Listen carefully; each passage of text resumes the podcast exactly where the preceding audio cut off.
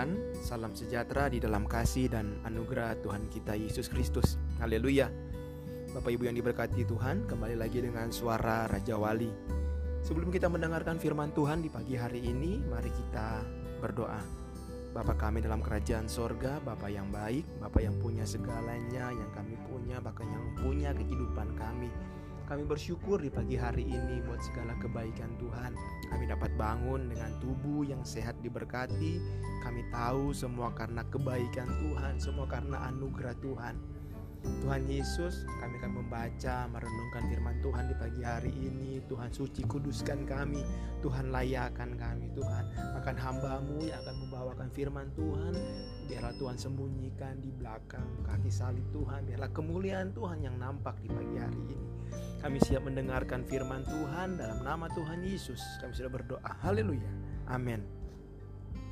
Puji Tuhan, Bapak Ibu yang diberkati Tuhan, firman Tuhan kita di pagi hari ini terdapat dalam dua Raja-Raja 3 ayat pertama sampai dengan ayat yang ke-27. Bapak Ibu bisa baca di rumah masing-masing.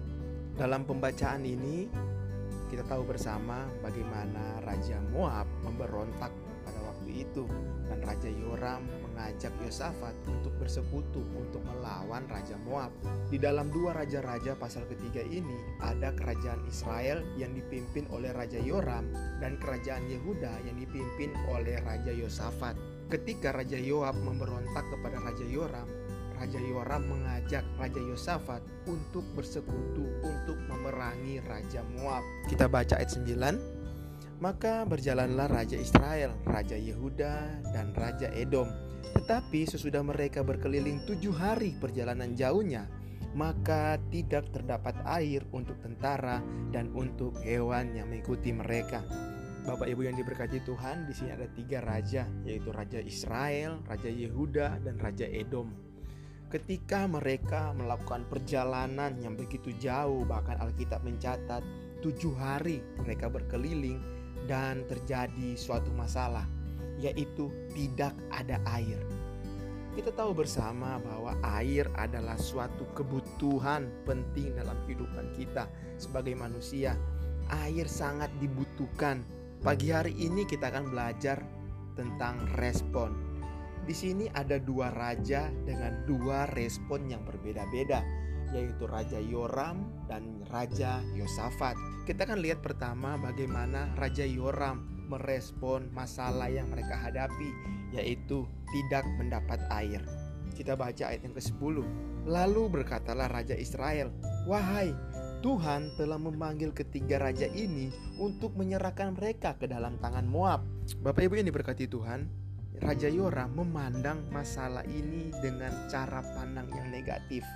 Raja Yoram telah berpikir buruk kepada Tuhan kalau seakan-akan inilah rencana Tuhan, yaitu mereka akan diserahkan ke tangan Moab. Kalau ini rencana Tuhan, kalau mereka akan dibunuh oleh Raja Moab, seakan-akan Tuhan sengaja atau Tuhan telah merencanakan untuk membunuh tiga raja ini. Nah, inilah respon yang salah yang kita bisa belajar dari Raja Yoram. Kemudian kita akan belajar bagaimana respon Raja Yosafat. Kita baca ayat 11 dan ayat 12. Tetapi bertanyalah Yosafat, tidak adakah di sini seorang nabi Tuhan supaya dengan perantarannya kita meminta petunjuk Tuhan? Lalu salah seorang pegawai raja Israel menjawab, katanya, di sini ada Elia bin Safat yang dahulu melayani Elia.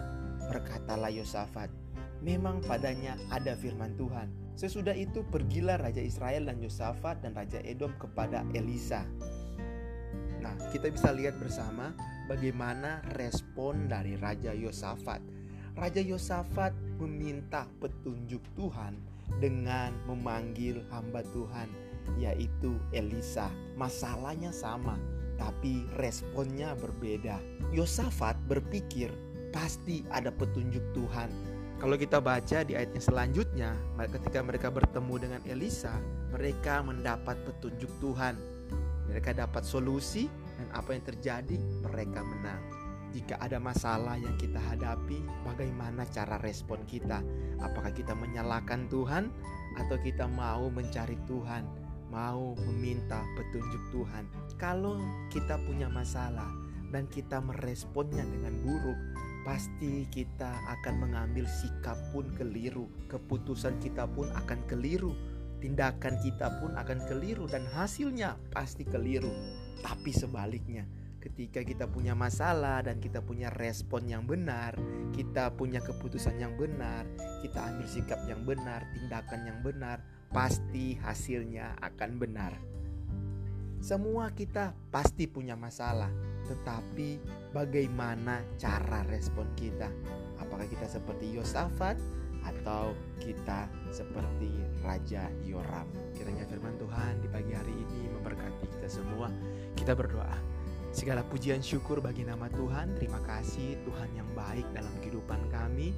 Tuhan Yesus, terima kasih buat firman-Mu di pagi hari ini. Biar kami belajar satu hal, biar kami belajar cara respon yang benar.